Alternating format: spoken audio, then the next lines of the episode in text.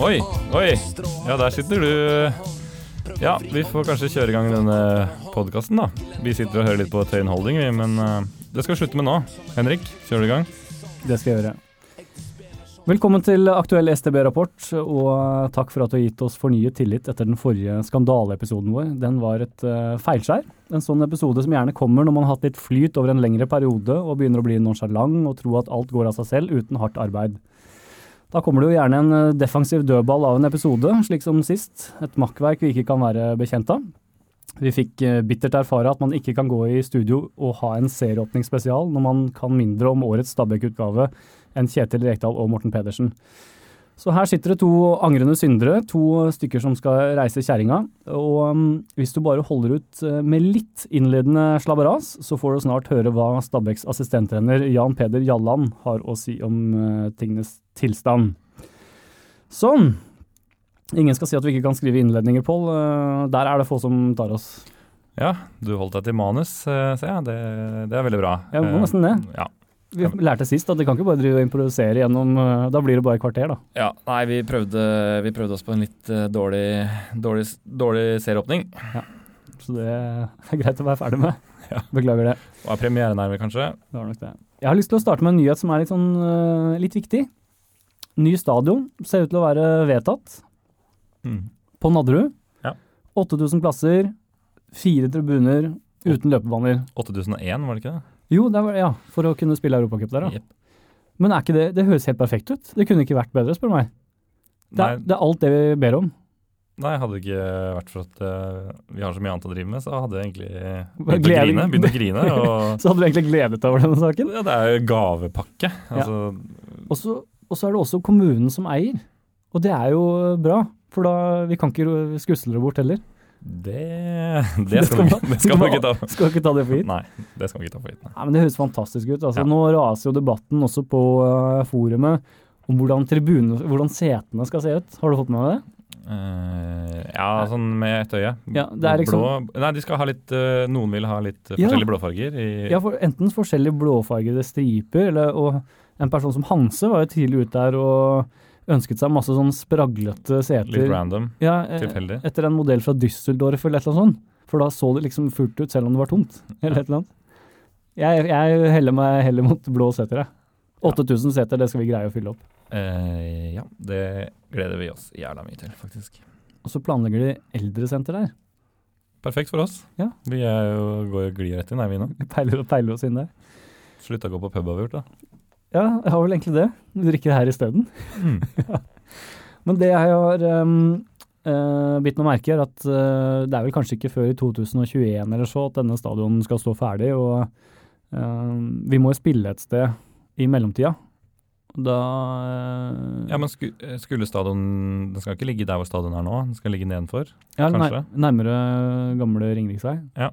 Sånn at jeg er ikke noe ingeniør, men, jeg, men, da kan man kanskje begynne i den enden og spille på Nadderud en stund til. Ja, får på den ene banaldelen. ja, men det er jo, bør være mulig, det.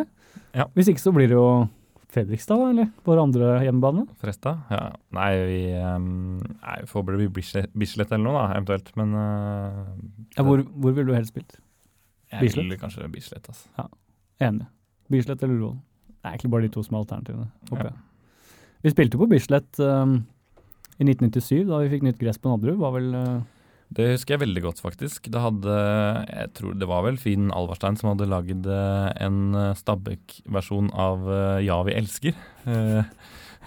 var det det? ja. Det, det, jeg husker jeg kom i Budstikka. Det var en som skrev et rasende innlegg på hvordan man kunne, hvordan man kunne lage sånn Stabæk-sang på det. da. Det, det, var ikke lov. Men kanskje jeg begynner å bli gammel, for jeg er faktisk litt enig med den som skrev det innlegget.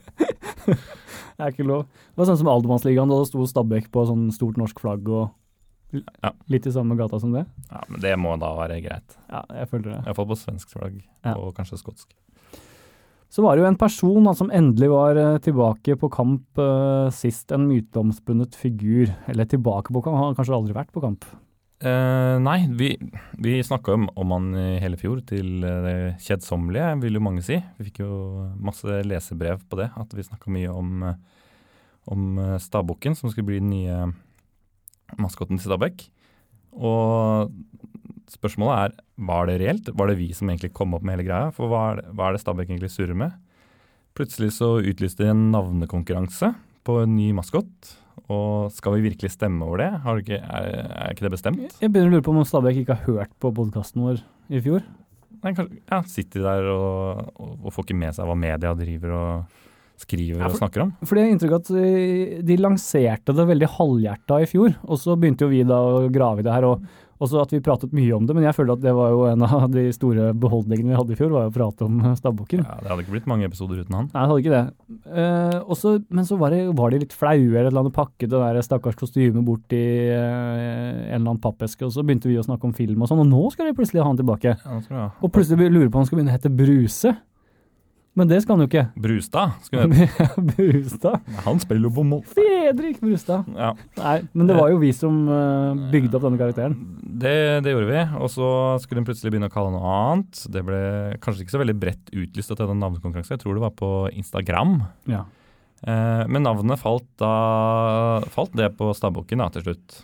Ja, Med overveldende majoritet. Eh, Ja, jeg vet ikke. De gikk jo aldri ut med talla på Nei, men- hvem som stemte på hva. Det gjorde de aldri. Nei.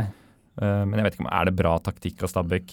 De gir oss en liten smak av en maskot, Stabbukken, som alle tenker at det her er, skal vi ha en maskot heter Stabbukken? Og så blir jo bare hungeren etter den maskoten større og større. Og så bare, er det en maskot? Er det en myte? Hva har jeg drømt? Og så står han der, tjukk og god, godslig type. lodden fyr. Ja, en type å bli glad i det der. Ser ut som en ku. Det var dine ord. Ja, det gjør jo det, da. Ja ja, nok om det. Ja. Um, vi skal jo etter hvert få inn en gjest. Vi har skjønt at uh, dette produktet vårt blir uh, hevet når vi har noen som kan uh, ha litt peiling på Stabæk, faktisk, Mm. i, sammen med oss i studio. Vi skal snart få inn Jan Peder Jalland. Det betyr at vi er omtrent Vi er ikke halvveis, for vi skal sitte og prate med han hele kvelden. Men la oss si at vi er halvveis da, Pål. Mm. Hva, hva føler du? Hvordan, eh, hvordan har vi gjort det her? Hvordan skal vi snu dette i andre omgang? Jeg merker jo at vi, vi blir jo for omstendelige i praten, og vi trenger mer tempo og trøkk i siste tredjedelen. Ja. Forhåpentligvis kan vi få inn noen, eh, noen gode poenger her, og ikke minst litt mer kompetanse i midtbaneleddet. Litt mer fotballkompetanse. Det blir jo Det handler jo om fotball, men det handler jo ikke om fotball, det her. Så vi må heve oss og ha mer trøkk når vi først uh, Trøkk når vi først snakker her. Ja, jeg er enig. Så, Greit.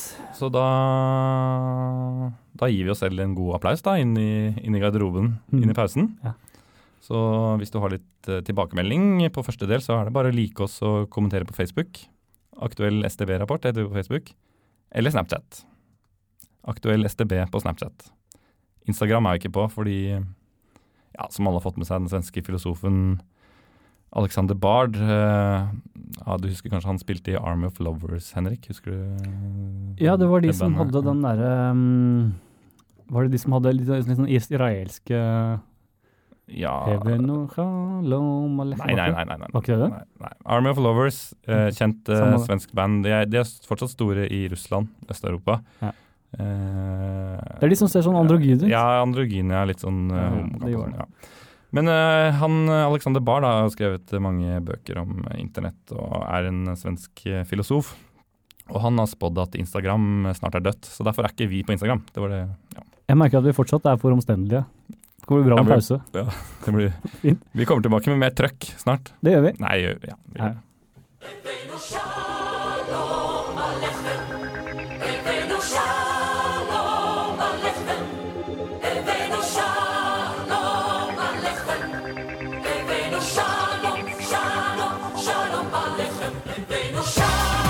Oi!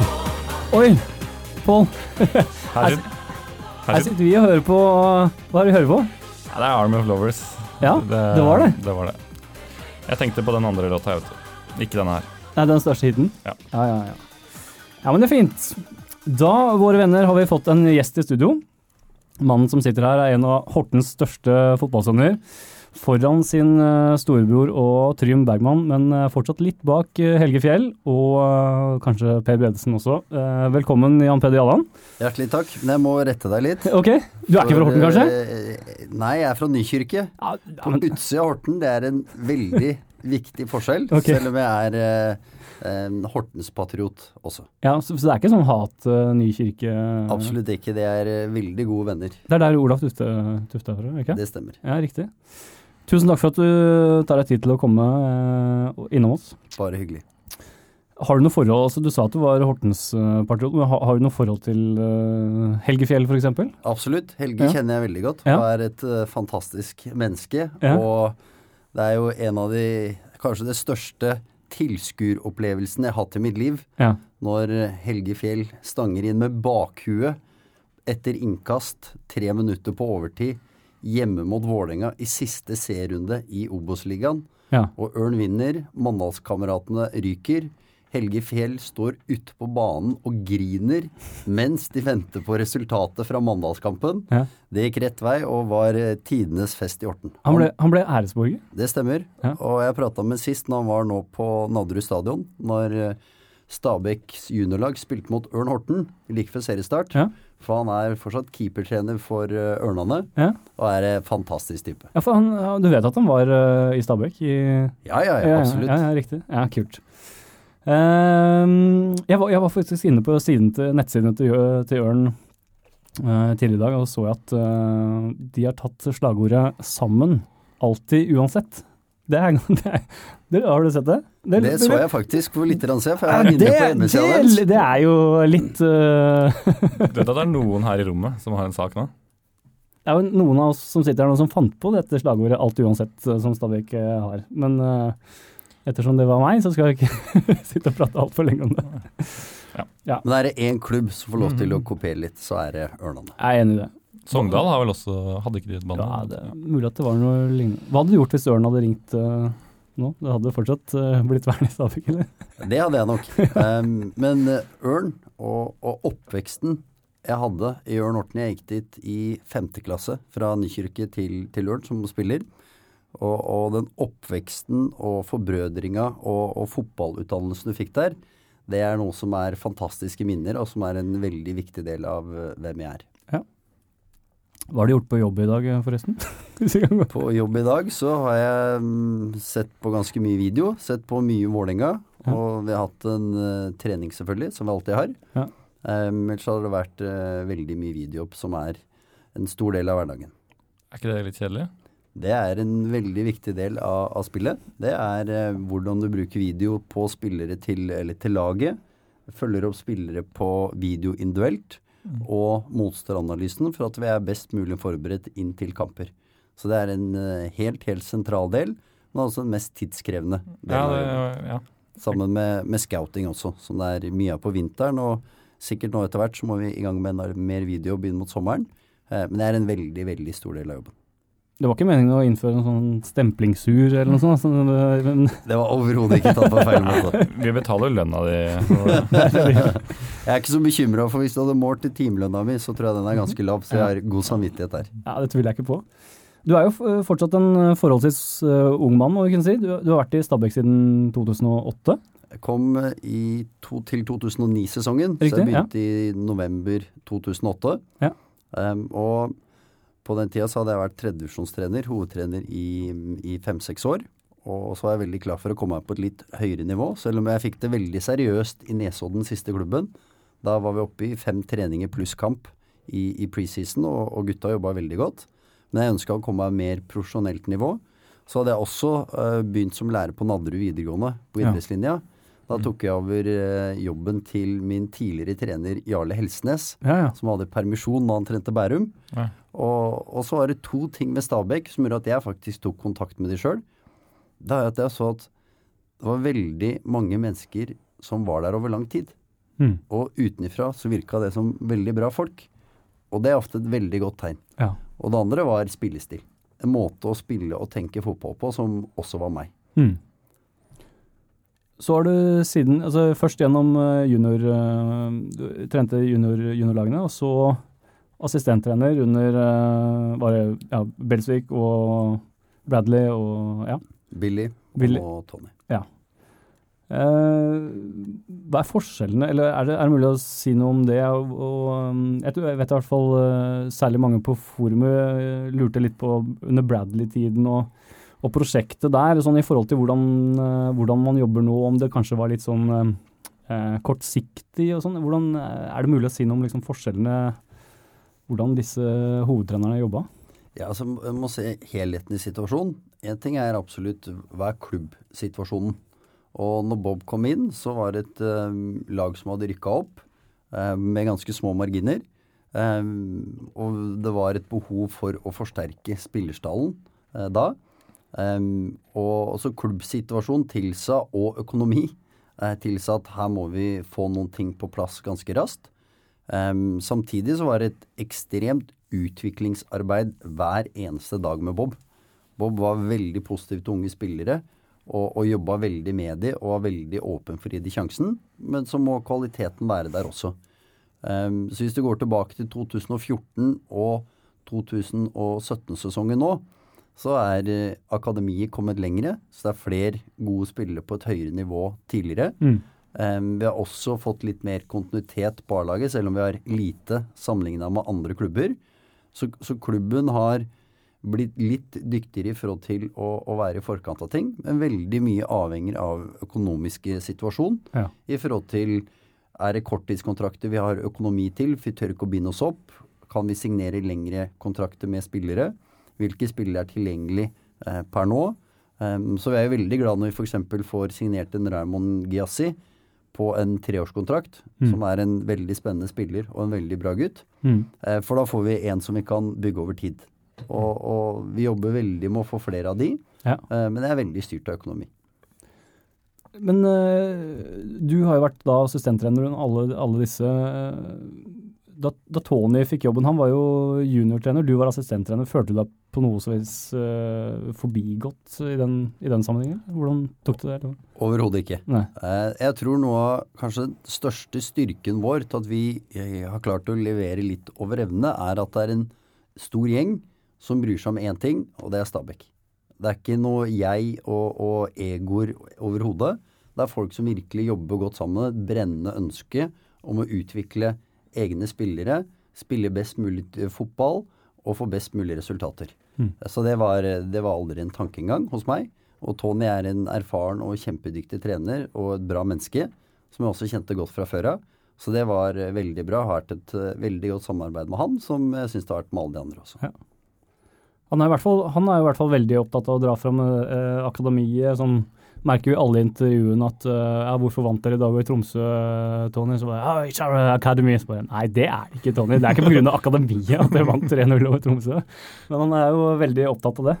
Utvikling, utvikling av spillere. Mm.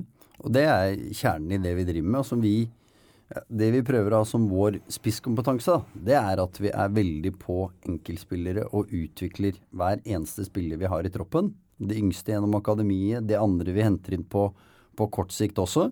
Så er det virkelig et mål om at de utvikler seg og lærer nye ting mens de er i Stabekk. Og, og det, det, blir som når Håkon Skogseid kommer så er, jobber vi veldig konkret med han for at han skal utvikle seg som fotballspiller. Mm. For det er en veldig viktig del av miljøet og kompetansen vi har, ja. og som er noe vi virkelig brenner for. Blir det noe raskere, eller er det, står det stille? ja, så Håkon, Håkon, har tatt faktisk veldig steg, ja. uh, og er en veldig god forsvarsspiller. Og så syns jeg han har utvikla seg masse offensivt også. Mm. Og så er han en veldig bra type å få inn. Veldig solid gutt. Gir oss stabilitet hver dag, profesjonalitet en å stole på, og er en, er en, mann til ved siden av Morten. Så det har vært uh, veldig bra for, for, hele gruppa og kulturen. Billy McKinley, åssen var det å jobbe med han? Det var kjempebra. Alle, alle likte Billy veldig godt. Skjønte um, du hva han sa? Jeg forsto godt hva han sa. Men for mange av spillerne så var det en utfordring. Mm. Uh, for han uh, har en aksent som er vanskelig å forstå. Um, og så prata han litt fort også. Uh, og da med en del utenlandske spillere som fra før av er litt begrensa i engelsk, mm. så var det absolutt en, en faktor som var um, ødeleggende for oss. Ja, det var det. Ja, absolutt. Fordi jeg, jeg, jeg møtte i fjor en gang uh, han som er type litt sånn sportslig leder i Holmlia, Abdi, Abdi et eller annet. Eh, og han sa jo det at Mossa og Oi og sånn, de skjønte jo ikke en dritt av hva han, hva han sa. Nei, de første månedene så var det veldig utfordrende, og så, og så ble det bedre etter hvert. Uh, og så kom Billy inn i en veldig vanskelig situasjon òg, hvor vi hadde prestert veldig godt. Mm. Vi mista ganske mange sentrale spillere. Em, vi klarte ikke å få inn gode nok spillere gjennom vinteren. Så den, den troppen vi gikk inn med i 2017-sesongen, første del, den, den var ikke bra nok til å, å klare å prestere på et eh, visst nivå i Tippeligaen. 2016, ja. Sorry, 2016. Ja. Jeg skjønner. Eh,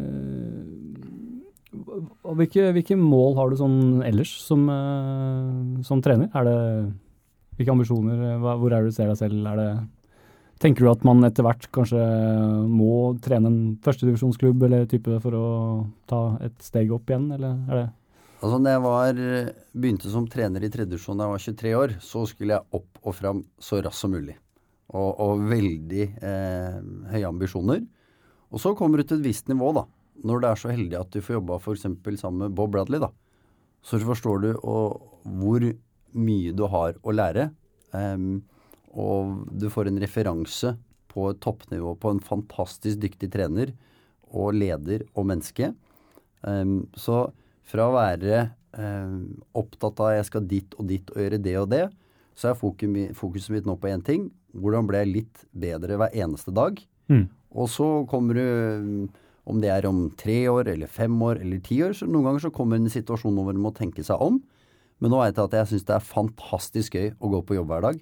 Trives utrolig godt med spillergruppa, med det andre støtteapparatet, med Tony. Inge skaper et veldig bra miljø for, for hele den sportslige biten. Og å få en Jon Tunå som daglig leder har vært kjempebra. Han er veldig positiv å få inn. Mm. Så nå er det, det er en ordentlig sånn feel good-stemning i Stabekk, hvor veldig mange brenner for noe og jobber veldig hardt sammen. Og du får kombinert det med familieliv og Altså, er, Pål er veldig nevlig. eh, Den andre småbarnsfaren her er litt skeptisk til det, om hvordan det Ja, jeg Åssen er det egentlig å å kombinere med familieliv? Så det er absolutt en utfordring. Um, En vanlig hverdag er at du er oppe tidlig med dattera når hun, hun våkner opp. Josefine på, på to år. Og hun liker å våkne tidlig. Og servere alle morgenting med mat og tannpuss og klesskift én og to og tre ganger. Um, og så er det å få henne i barnehagen, enten av kona mi eller meg.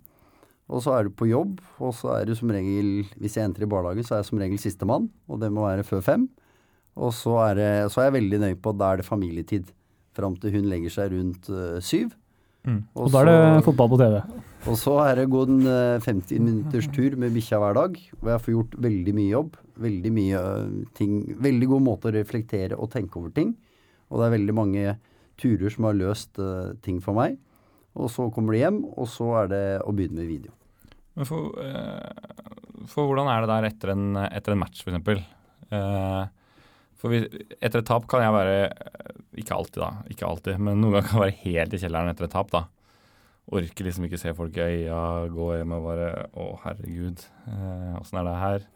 Ringer kanskje jobben, blir borte tre dager, og ja, Fotballen har gjort at jeg mista jobb og går og grunn, jeg for så vidt. Men hvordan har det med deg? Sover du godt om natta etter et tap?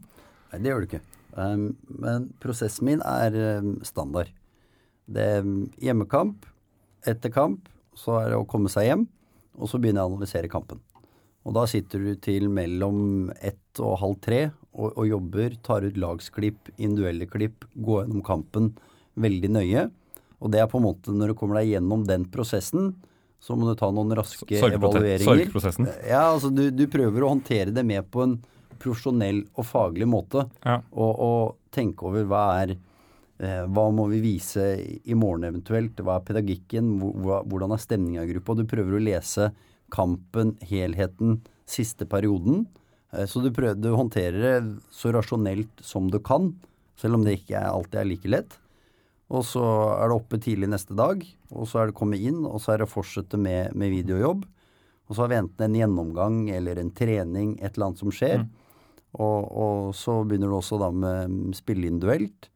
Og så begynner du da, hvis det er en søndagskamp, mandag, senere tirsdag, så må du i gang med neste motstanderanalyse også. Altså Det er sånn nullstilling som alle sånne idrettsutøvere Det må du. snakker om. Så det er ikke sånn at du ringer hjem til kona og bare Nei, det ble ekstraomganger i dag òg. Så sitter du i bilen og Nei, det, ser tomt ut i lufta. det håndterer jeg. skjer, det skjer. Det, det skjer ikke. Det skjer ikke. Og jo verre det, si, jo verre det går, jo, jo bedre håndterer du det. Ja. Og jo mer ser du opp og sørger for at du møter folk og prater med folk og tar Ja. tak i ting. Mm. Så det er det du gjør. Ja, det er imponerende, imponerende da. Det må jeg si. Det er kanskje derfor eh, vi bare sitter her og jazzer i studio. Men, Jazzer med gutta. men det du snakker om, er en, er en viktig del av trenerjobben. Det er å, hvordan du håndterer dine følelser, særlig Mm. under kamp. Ja. Det er kjempeviktig. Kjempeviktig. Og, og jo større kamper, jo mer bruker jeg tid på å forberede meg sjøl på det også. Ja. Eh, som når vi møter Bodø-Glimt hjemme i 2013 i, i opprykkskampen. Ja. Eh, Unnskyld. eh, I startkampen, Jerv-kampene, så Mm. bruker du masse tid på å forberede deg på benk. Hvordan du Scenarioer, hvordan du håndterer ting, hvordan Mm. gjør vi det? Og særlig når du har mange andre resultater du skal ta stilling til også, så, så må du ha et kaldt hue. Vi forbereder oss bare på å storme banen i de kampene der. Ja. ja. der, Det er, faktisk, det er faktisk sånn at med, med altså, Det føles jo litt som jeg har fått to opprykk, da. Vi klarte å gjøre om det i fjor til et opprykk. Ja.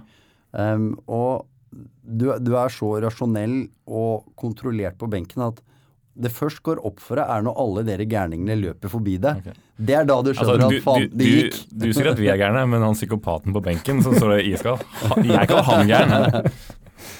Men nå er det jo faktisk sånn i år at eh, det har ikke vært så veldig mye du har tenkt å, å jobbe med mentalt sånn sett. Det har jo vært en helt fantastisk uh, sesongåpning. Det er jo uh, utrolig langt over våre forventninger, egentlig. De, de var vel kanskje ikke ikke-eksisterende. Men hva, hva, hva med dere som jobber med laget til daglig? Når var det dere skjønte at vi hadde et lag som kunne konkurrere sånn som vi gjør nå? Er det Altså før, rett før um, seriestarten så, så prata Tony og jeg litt sammen, hvor begge så en del veldig positive ting. Eh, hvor begge var veldig optimistiske. Så vi, også, vi trenger en fire-fem kamper på å få bekrefta det vi ser. Og Samtidig så vet vi også at vi trenger tid for å virkelig bli stabile. Um, for vi vet at det er en sannsynlighet for at vi kommer til å, å variere litt i en periode fremover. Selv om du gjør alt du kan og jobber så hardt som mulig for at eh, du blir stabil raskest mulig. Um, men eh, det har vi også vært litt forberedt på. Men vi har sett et veldig potensial i gruppa også, og, og var positive i forhold til sesongstarten, absolutt. Ja. Fordi liksom, OI og sånn har jo vært fantastisk, selvfølgelig, og er jo den som havner på forsidene. Men jeg vet ikke om du er enig i at den egentlige forsiden er jo at vi kan stille en av ligaens beste midtbaner når, det er, eh, når alle er på plass der. Absolutt. Og, og der har vi fått inn noen gode spillere. Um, selv om Jonathan har jo vært med oss, med oss lenge, Lumanza. Mm. han liker å bli kalt uh, Jonathan.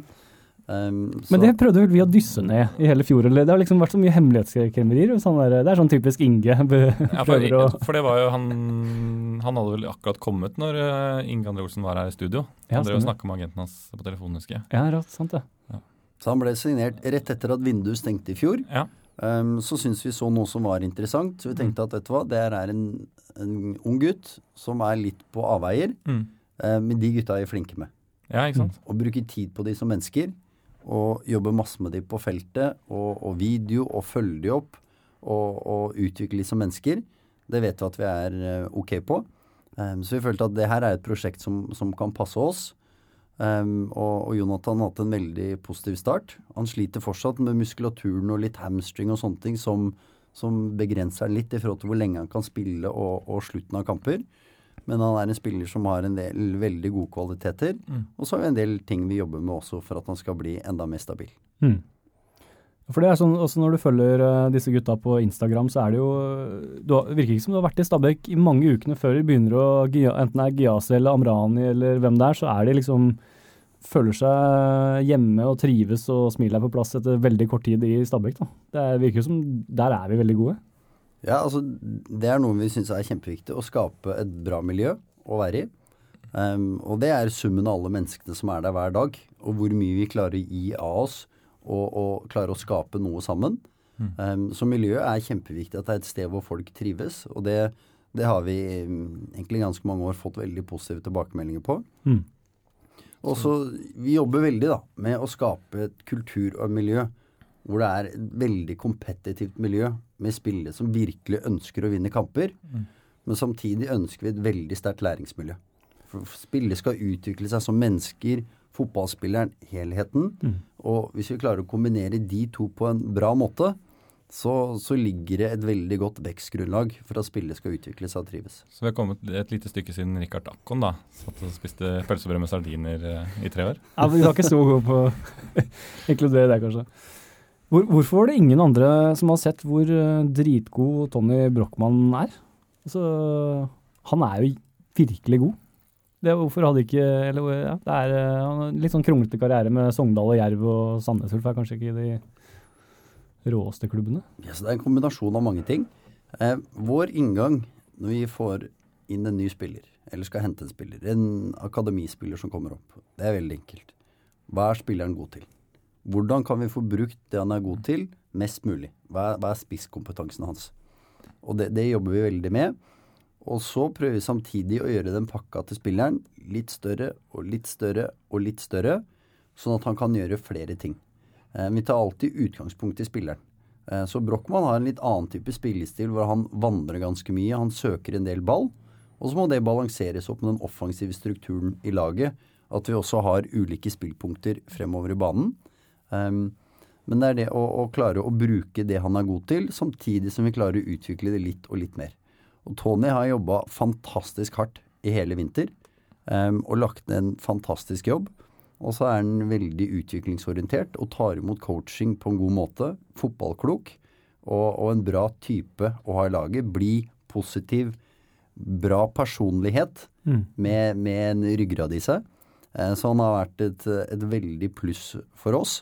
Og det var veldig gøy å se når han ble eh, tatt av banen på slutten mot eh, Jeg mener at det var Odd. Hvor hele Nadderud reiser seg og, og klapper for han. Eh, som jeg sa til, det ble et litt symbol på all den jobben han har lagt ned gjennom hele vinteren og nå i preseason, at det er, det er en type du vil ha laget ditt. Ja, for han løper jo mye. Jeg føler, det er kanskje noe vi har savna litt på midtbanen, er de som løper til de stuper omtrent. Så det er jo veldig, veldig deilig å se, da. Syns jeg. Så, eh, han er, god, han er, jo god til å drible òg. Det hadde ikke jeg fått med før han kom. Tony er god til å drible, og, og så jobber vi med å få enda mer gjennombruddskraft inn. Og få ned enda mm. flere avslutningssituasjoner. Men han har skåret tre mål i år. Ja, um, og ett mot Odd, som handler om at han jobber som F. Langt utspill fra Sayoba, som er litt håpløs, men han gir seg ikke. Han jobber og, og får uttelling på den. Så er det en fantastisk liten piruett oppe i Tromsø. Og så knaller han til med en langskudd mm. uh, oppe i nord også. Apropos Sayoba, eh, hvis vi snakker litt om han og, og Kassi og liksom ivorianertrioen vår. Jeg føler at de trenger jo kanskje De mangler jo all det siste lille for å ta det steget som gjør at de kanskje blir solgt et eller annet sted. Eller. Det er alltid, så er det i en flyt, og så, men så kommer det kanskje en eller annen blemme eller noe, og så er man ja, Er du ikke enig i det? At, altså Jobben for Sayoba, det er som alle keepere. Det er stabilitet. Vise et uh, lavest nivå som gjør at uh, det blir en keeper som andre klubber vurderer som en de kan stole på. Så Sayoba har et veldig høyt toppnivå, og så er det at han får stabilitet Fråtte redninger, feltarbeid med beina, som gjør at uh, det blir en stabil keeper. Og så er han jo fortsatt veldig ung til å være keeper. Men han har spilt mye til å være så ung også. Så er det at han fortsetter å jobbe og jobbe. Så en eller annen dag så kommer det på plass. Om det tar to uker, en måned, et halvt år, ett år, det, det vet han ikke. Mm. Og, og, det samme med Luke. Han var, hadde en veldig god avslutning på høstsesongen i 2016 hvor han skårte ni mål, tror jeg. Åtte eller ni mål. Og var veldig positiv. Eh, og i 2016-sesongen så er han uheldig med skader i fjor. Han ble skada bort mot Godset i cupkampen, eh, som gjør at han mister sommeren. Så kommer han tilbake, så får han en strekk hjemme mot Rosenborg. Og, og, er ute i lengre periode. Ja, for da var han liksom litt på gang igjen. Ja. Så, så, han har vært litt uheldig i fjor. Og så i år så har han mista veldig mye av preseason.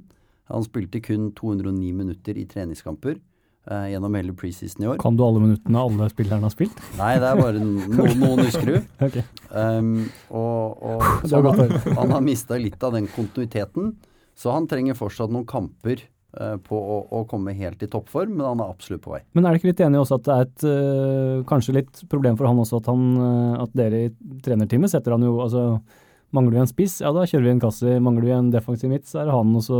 Han blir jo forsøkt i veldig mange forskjellige roller, bortsett fra stopper og back, omtrent, har jeg inntrykk av. Ja, og der tror jeg ikke vi skal prøve den heller. Nei, det var, ikke det. det var ikke vårt tips. Nei. Jo, da, vårt tips er gjør det. han, han, han kom jo gjennom som kant. Hvor han faktisk i 2013 og, og 14 var mer enn Og deler i 2015 var med en som dribla, en som skapte ting, en som hadde noen fantastiske mål. Men så har vi alltid sett at det er en god pasningsspiller i Luke. Men så er det noen defensive ting som ikke har vært helt på plass osv. Som har gjort at han har, han har passa litt bedre på, i laget, eh, breiere i banen. Men så har han blitt litt eldre, litt mer moden. Og så vil jeg jo Om han til slutt blir en mellomromsspiller eller sentralmidt, det er litt vanskelig å si fortsatt. Eh, men i måten vi, vi spiller på For når du spiller eh, et utgangspunkt da, i 4-2-3-1 Nå er formasjonen for meg et tall. Det viktige er spillestilen og ideene. Så om du spiller 4-4-2, 4-2-3-1, 4-3-3 osv. Det er for meg Ja, vi, vi, teller bare, vi teller bare mål, vi. Ja. Så det er ikke noe på det. For og imot. Eh, Men det er, det er litt misforstått i Norge at eh, formasjon handler om spillestil. Det gjør det absolutt ikke. Formasjon er bare en utgangsposisjon. Um, og så handler det om hvordan du beveger deg derfra. Men i vår måte å spille på, så kan du spille mellomromsspilleren enten med mer en midtbanespiller, som Luke, eller så kan du f.eks. bruke en Sindre Maurits Hansen, som er mer en spiss i den rollen. Eh, som gjør at du da kan si at du er litt nærmere 4-4-2, på en måte. Ja. Um, men men Luke, en av styrkene til Luke også er at han kan spille flere roller. Men hva vil han sjøl, da?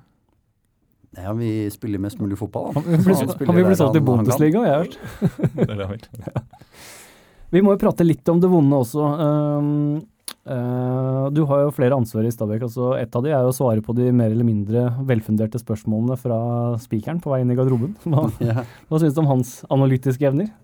Eh, Han er en bra mann. Og det er helt topp, det. Å å få spørsmål inn mot pause. Eh, utfordringen er at jeg tenker veldig mye på hva jeg skal si i pausen. Ja. Eh, jeg går ikke og forbereder praten med spikeren, men hva du skal si til spillerne og, og taktiske ting, ting du har sett i kampen, hvordan du kan endre kampen. Mm.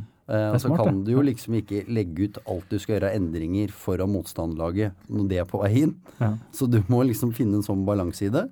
Ehm, så du er, eh, du er forberedt og litt uforberedt, og så prøver du å gjøre det til en OK Ja, du svarer mer sånn, der, sånn som uh, sjampo i Iskrigerne. Det er mer sånn, det er veldig sånn trøkk, og det er veldig litt taktikk, da. Det er veldig bare, det er bare Og det er veldig Trøkk og tempo. Motstanderen, motstanderens trener går forbi. Og det var en gang jeg, jeg sa noe at vi må legge om. Mm. Så husker jeg plutselig jeg fikk to trenere fra motstanderlaget som så på meg og begynte å tenke, og da, da slo det meg at eh, jeg tror vi, jeg tror vi dropper det neste gang. Ja. Og så er det jo øh, elefanten i rommet, skal vi si det. Øh, dødballer. Vi, vi er ikke på Pål og jeg, vi er ikke så mye på treninger. Men øh, vi har fått høre at det er liksom ditt ansvar. Er det det? Det er absolutt mitt ansvar. Ja. Både defensive og offensive. Ja. Hvorfor, hvorfor er det sånn at vi, vi ja, hvorfor, vi sliter jo litt med dette her. Vi, det, ja, fra Tromsø-kampen i fjor, hvor det var helt horribelt, og så, så er det liksom av og til noen situasjoner som kan minne om det. En, billige må- mål imot. Ja, så Vi har egentlig hatt en del utfordringer i perioder. Ikke gjennom alle sesonger, men i perioder av sesonger. Um, når Bob var her, så kjørte han mer av dødballene. Vi hadde utfordringer med det spesielt i 2015. Um, og det ble litt bedre i 2016. Um, det handler om mange ting. Det handler om størrelsen du har på laget ditt. Um, hvor vi ofte har hatt litt mindre lag enn en del andre. Og så handler det noe om typer også i et lag. Um, og så er det det du som trener vurderer veldig mye, er oppsettet. Hvordan setter vi det opp? Um, som du bruker mye tid på å vurdere og, og se på. Og så ser du på personellet du har, hvilke spillere du har til en kamp. Og hvordan du sjonglerer det da til på en best mulig måte. Men tror du man kan, kan man øh, organisere seg bort fra det trøbbelet, eller, eller er det, går det mye på det du sier, at vi, vi skal jo spille, vi, skal, vi har ikke de største spillerne, og da må man kanskje Altså, ofre at det kommer en annen øh, Vi har jo et veldig fokus nå på dødballer. Mm. Um, og så um, kommer du til å vurdere hver eneste situasjon som oppstår av dødballer.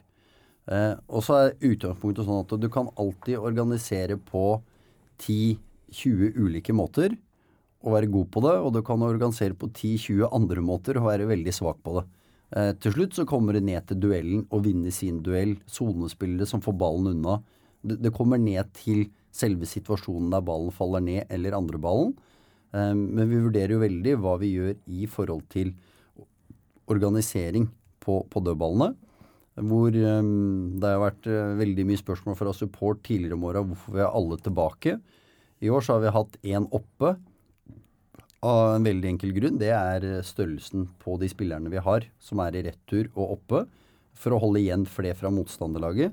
Og så prøver vi også å vurdere, hvis vi holder én oppe, hvem er igjen fra motstanderlaget? Er det en god hodespiller, eller er det en hodespiller som du egentlig ikke er så bekymra for?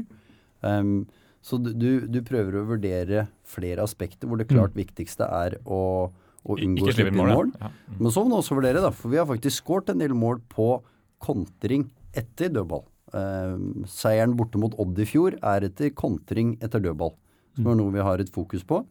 Um, og, og, da kan du også argumentere for at det er bedre å dra alle hjem, sånn at du får løp bakfra og kan komme i fart på begge sidene. Eh, hvis du har én høyt i banen, så kan det være en som kan være med å stoppe eh, innlegg nummer to f.eks. etter klarering. Så det er en del sånne ting du vurderer, og så må du se på spillerne du har tilgjengelig. Ja. Det tror jeg ikke vi supporterne driver og vurderer så veldig mye. Nå, nå ble det veldig ja, ble det, jeg, jeg, kunne fortsatt med ganske mange ting til. Nei, da, da, da, da, mister vi veldig mye lyttere. Men, ja. Nei, det har jo vært et øh, jeg, jeg, føler at det her har vært et sånn Alltid har vi vært dårlige på det her. Det er et sånn årelangt problem. Så ja, er det en del av spillestilen? Det, sitter det i vegga, rett og slett? Vi er dårlige på dødball? Nei, altså jeg opplever gruppa som veldig offensiv på det. Og, og dødball handler om at vi skal få kontringsmuligheter og, og, få den ballen ut og vinne duellen og være aggressive. Så det er et lag som er veldig offensive på det. Vi hadde en periode i vårsesongen i fjor hvor vi havna og ble litt for defensive i, i de situasjonene. Nå er det en veldig sånn positiv mentalitet. Mm. Og så er det ulike, da. F.eks. nå mot Haugesund, så er det Haugesund er i boksen vår omtrent én gang før de får et innkast. Og så er det et fantastisk godt innkast, hvor de plutselig kaster lengre ut enn de vanligvis gjør. Um, og, så vi hadde ikke planlagt for det første målet? Vi var absolutt forberedt for at det skulle komme lange innkast. det hadde vi sett uh, ganske mange klipp av. Um, så blir det da hvordan klarer sonespiller å få angrep i ball? Han som er uh, i markering der, hvordan klarer han å komme seg opp i, i duellen? Og, og, hvordan vi gjør det. Hva, var det som, hva var det som gikk feil på første målet? Jeg vil si at det er um, mest sannsynlig fem ulike feil som skjer samtidig. Det er gjerne som en flystyrt, liksom. Det er masse ting som skjer samtidig som gjør at Ja, så det er ikke så ofte det bare er én ting. Ofte Nei. så er det flere ting som mm. henger sammen, og, og, som påvirker hverandre. Og hvis én spiller ut av posisjon, så kan neste spiller også komme ut av posisjon. Mm. Eh, så, så, ofte så er det også eh, sammensatt hvordan det er på dødball. Fordi vi, Jeg lurte veldig på det der om at vi, vi, har litt mindre spillere, eh, og at det, er det sånn at man da bør, eller må forvente å få noen imot. Ikke sant? Det blir sånn som med Fontanello. Da får du en fyr som feier bort det aller meste i lufta, men så må du ta med noen selvmål og røde kort på kjøpet. Liksom. Er det det er, det er, den klart beste spilleren ja, i lufta jeg har vært borti noen gang. Ja, kan vi snakke om Fontanello nå? Når, når, vi, når, jeg fikk opp, når vi hadde unge spillere på A-laget, A-lagstrening, som, som, sleit med timing og headeteknikk, så var det Pablo. Ja. Can you help me? Yes. Pablo, can you go down there?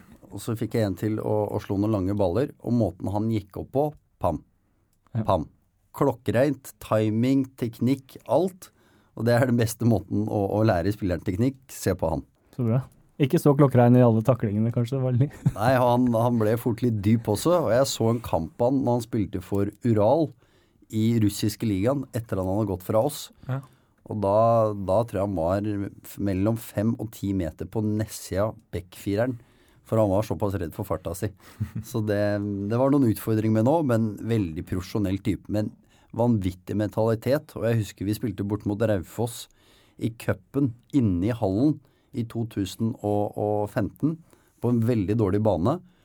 Og han kommer inn til pause, og så sier han til fysio a little pain. Og, og så da hadde vi jo god gamle legenden Fredrik Birkemo som fysio. Og han holdt på å miste parykken når han så den ankelen, for den var så hoven. Det var en ordentlig tennisball. Fredrik sa med en gang han er med å bytte. No, no, I play on. Mm. Det var ikke noe å tenke på. Så det var en ordentlig kriger og en ordentlig mann. Ja, bra. ja vi elska han, vi. Det blir fort sånne kultspillere som man liker. Litt langt hår og stopper, da, da er det der. Ja, han var en herlig type. Det må jeg si. Men en type som uh, Markus Nilsson som forsvant, er det en du gjerne skulle beholdt? holdt? Markus er en veldig bra type. Um, og en vi har hatt kontakt med, eller jeg har hatt kontakt med etter at han forsvant fra oss og, og dro til slutt til Sør-Korea. Um, og har tipsa oss om flere spillere også, og prøvd å overtale andre spillere om å dra til Stabæk. Så han hadde en god tid her. Sørkoreanske? Nordkoreanske, kanskje. Um, og så var vi veldig klare på at uh, Hanke tok steg. Hanke er en veldig bra type. Ordentlig bra mann. Og, og kommer til å bli en ordentlig bra midtstopper. Og en vi virkelig har lyst til å bygge, og, og en vi står bak, for han har gjort seg fortjent til det. Så, så diskusjonen rundt Markus var egentlig veldig enkel, for at han ønska også et ønske om å komme seg videre, selv om han trivdes veldig godt. Og det var en stor del av han som ville bli. Men vi var, vi var veldig klare på at uh, Hanke og Morten det er soppera våre neste år. Men han var her på den sånn type den derre skatte... Ja. ja. Ikke sant? Vi er gode på den. Ja, det har jeg skjønt. Nei, stemmer det at Ba også Han er vel dessverre her på den tilsvarende? Eh, ba har en kontrakt for hele sesongen. Eh, og så er vi forberedt. Mister vi én spiller i sommer, mister vi to, tre, fire, fem. Det er en del av Stabæk. Og Mm. vi trenerne blir aldri skuffa eller noen når noen spillere går. Det vet vi er en del av den økonomiske situasjonen vår. Så håper jeg bare at de går til best mulig klubber. Ja. uh, og selvfølgelig at vi får mest mulig igjen. Og så er Inge veldig flink til å prøve å hjelpe spillere til klubber som virkelig vil ha de. Mm. For noen klubber så er det en sportsdirektør som vil signere, men en trener som egentlig ikke vil ha han. Og da havner en spiller fort ute i kulda. Så vi prøver alltid å hjelpe de til, til best mulig klubber for de. Selvfølgelig mest mulig økonomi til oss. Og så må vi finne nye og utvikle nye. Eh, avslutningsvis må vi snakke litt om Vålerenga-kampen, men eh, Pål, du sjekka vel litt på forumet om det var eh, innspill derfra, var det ikke det? Spørsmål? Jo, jo vi, det er flere som for så vidt lurer på skadesituasjonen. Mm. Der er det jo eh, både Giasi, Boli, Ba, Ødegaard, Elan Amrani. Kunne du si, kan du si noe om det, eller? Nei, det er helt hemmelig. Nei da. Eh, Boli, han er Han kom i første renn med til Han. Han, to, han tok eh, korsbåndet. Ja. Så der er en, en lengre opptrening. Så det, der håper vi en eller annen gang i løpet av høstsesongen at han er klar igjen. Men da Mm. har vi vært tålmodig. Eh, Marius Østfold tok jo også korsbåndet. Han Mm. hadde sin første trening i spill i dag, som overtallsspiller. Um, så han er så vidt i gang med laget, men kommer til også til å trenge tid. Eh, Giassi er i gang på feltet, og ser det har vært veldig positivt. Um, han hadde en strekk i hamstringen som ligger inni muskulaturen. Og enkelt sagt så betyr det at vi må være veldig forsiktige. For hvis han får en reskade der, så er det veldig alvorlig. Så vi, vi vil ikke på noen som helst måte rushe han. Når han er klar, så er han klar. Um, så vi har et håp nå i løpet av uh, et par uker, og håper jeg at han kan være med i tropp. Uh, men Vålerenga-kampen blir å rushe det og gamble det, og det ønsker vi ikke å gjøre med en så bra spiller og en så bra gutt. Hvilken, hvilken plass er det han konkurrerer med? Er det begge kantene i treeren? Ja, så Primært så er han høyrekant, men kan også spille på, på venstre. Um, og det er nå det fine nå. Brochmann kan spille i mellomrom, han kan spille høyrekant. Han Mm. kan spille indreløper. Giassi høyrekant kan også brukes på venstre. Så vi har, vi har mange spillere nå som kan spille i flere posisjoner. Og det er vel første året mitt på A-laget til Stabæk hvor vi faktisk har alternativ på benken. Mm. Som vi føler virkelig er reelle og vi kan bruke. Bortsett fra forsvarsleddet, kanskje? Nei, Der har vi aldri hatt så mange i forsvarsleddet eh, i alle de åra jeg har vært her. Okay. Eh, men vi har mye skader der. Ja. For nå har vi jo eh, Ødegaard Edvard Race er jo på utlån. Og så har vi Granli. Og så har vi Ahmed eh, El Amrani. Og så har vi Tobias Ødegård.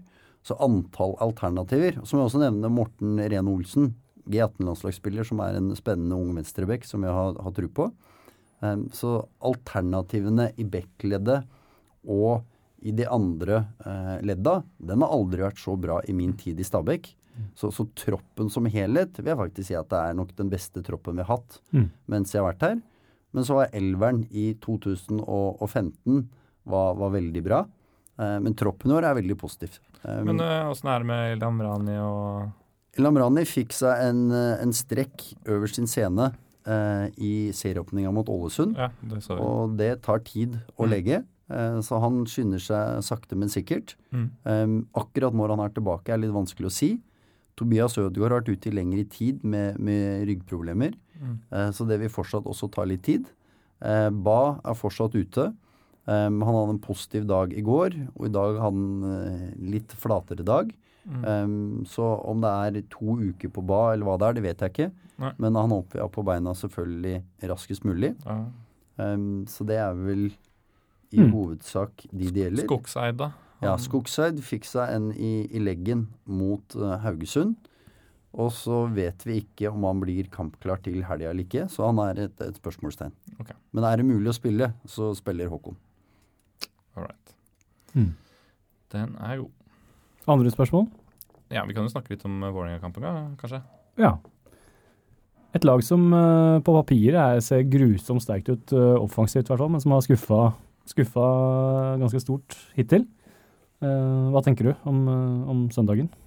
Nei, vi gleder oss til kampen. Mm. Eh, Vålerenga-kampene pleier alltid å være veldig bra, for det er to lag som ønsker å spille. Vi kommer også ut på en, en bra bane. Eh, så vi gleder oss veldig til, til den kampen og ser veldig optimistisk på den. Em, så det blir en kamp som kommer til å inneholde mange dimensjoner. Um, hvor at vi er godt forberedt kommer til å bli kjempeviktig. Mm. Det er litt vanskelig å spå akkurat hvilket lag Vålerenga stiller, for de har, de har en veldig stor tropp. Mm. Det er vel den første klubben på mange år som har slått oss den siste uka inn mot seriestart når det gjelder å signere spillere. Ja. Så vi må skjerpe oss. Vi skal signere veldig mye ved neste vindu. I hvert fall mer enn de. Men de, det var helt, virkelig sånn panikkartet. De, men de hadde jo en del skader, eh, hadde inntrykk av, som gjorde at de siste uka bare gikk bananas i Ja, så fys. Fysioen som vi solgte til Vålerenga, fikk jo beskjed om å sørge for at det ble litt skader og problemer der. Så det var en del av overgangsavtalen. Ja. Um, men Vål- Vålerenga har et veldig bra lag og en flink trener. De så ordentlig bra ut i vinter. Og så ble det kanskje litt urealistisk høye forventninger, og så ble det et par skader inn mot seriestart. Så plutselig går ting litt imot den. Så fra at de har bygd forventningene veldig opp, så blir det da en, eh, en utfordring. Og så blir spørsmålet bare når kommer Vålerenga? For de kommer på et eller annet tidspunkt. Og så vil vi sørge for at det nå ikke er 7. mai. For det er, det er jo mulig, de der svenske bekkene deres og sånn, det er jo mulig å komme seg rundt, eh, rundt dem, tenker jeg. De er brukbare offensivt, men eh, Ja, de er ikke så bra hjemover. Nå har vi brukt Juklerød i de siste kampene på venstrebekk, ettersom Linkvist har vært ute.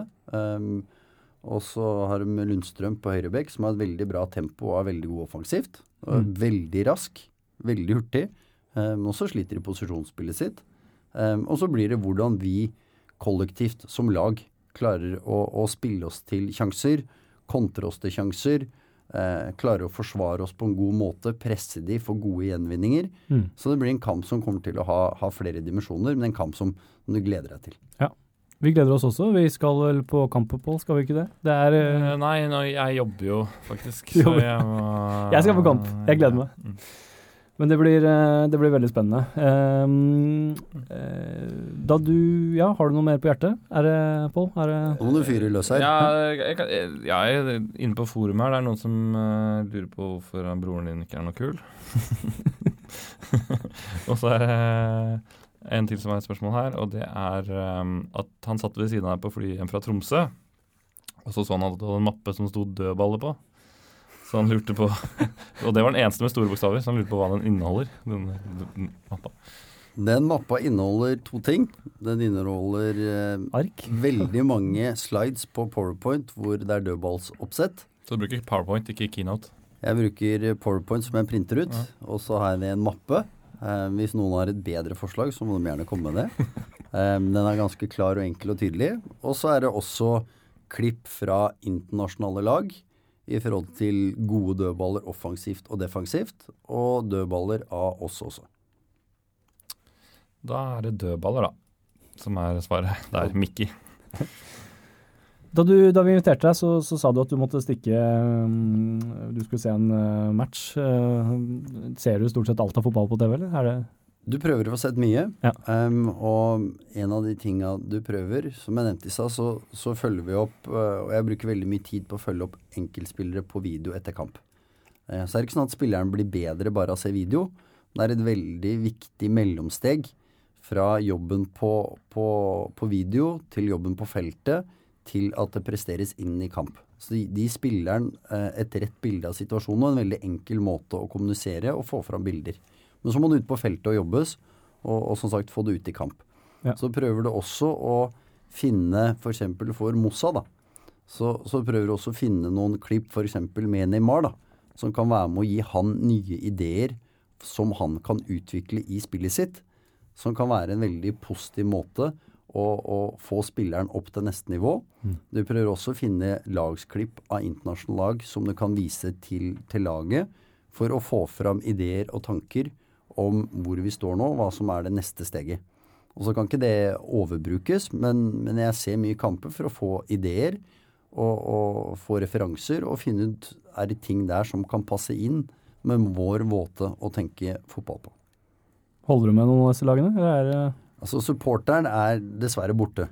Ja. Eh, når du blir fotballtrener lenge nok, så er du ute etter spillet og ideer, og, og vil se interessante fotballkamper.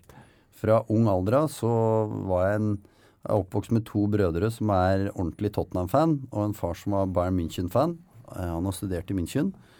Og av en eller annen grunn så så jeg et, eh, et brassespark av Mark Hughes. Om det var i 87, 88, 89 eller når det var. Og da ble jeg United-supporter. Så jeg husker jo når de vant uh, cupvinnercupen tilbake. Uh, det var ikke så mange mot, mot, mot Barcelona? mot Barcelona. Jeg var, ja. jeg var på den kampen. Var det det? Fantastisk. I Rotterdam. Fantastisk. Um, så da var jeg blodsupporter i mange år. Men som trener så blir det profesjonaliteten og interessen tar over um, noe av den supporterrollen. Det er bra, det. Det er bra at du er eh, interessert i fotballen, og så kan vi være supportere. tror jeg er flott. Eh, tusen hjertelig takk for at du kom, eh, Jan Peder. Lykke til mot, uh, mot Vålerenga. Bra. Det var veldig hyggelig. Så kult. Eh, ja, skal vi ta avslutningsvis, så ja, Trenger du en hobby, så har vi ei, ei tresnekke som Ja. til salgs. Hvis det er noen som vil ha en tresnekke, så er det bare å si ifra. For her er det to stykker som er dritlei av den jævla snekka. det går utover nattesøvn. Uh, ja. Hadde jeg hatt tid, så hadde jeg sagt ja. Ja. Men uh, Ja, nei, vi, er vi har måttet kutte den magiske tieren nå, fordi eh, vi, Det er så mye trøbbel, det er så mye trøbbel med snekkeren. Han har velta. ja, ok. Så det er bare å ta kontakt. Tusen takk. Vi ses på Ullevål på søndag.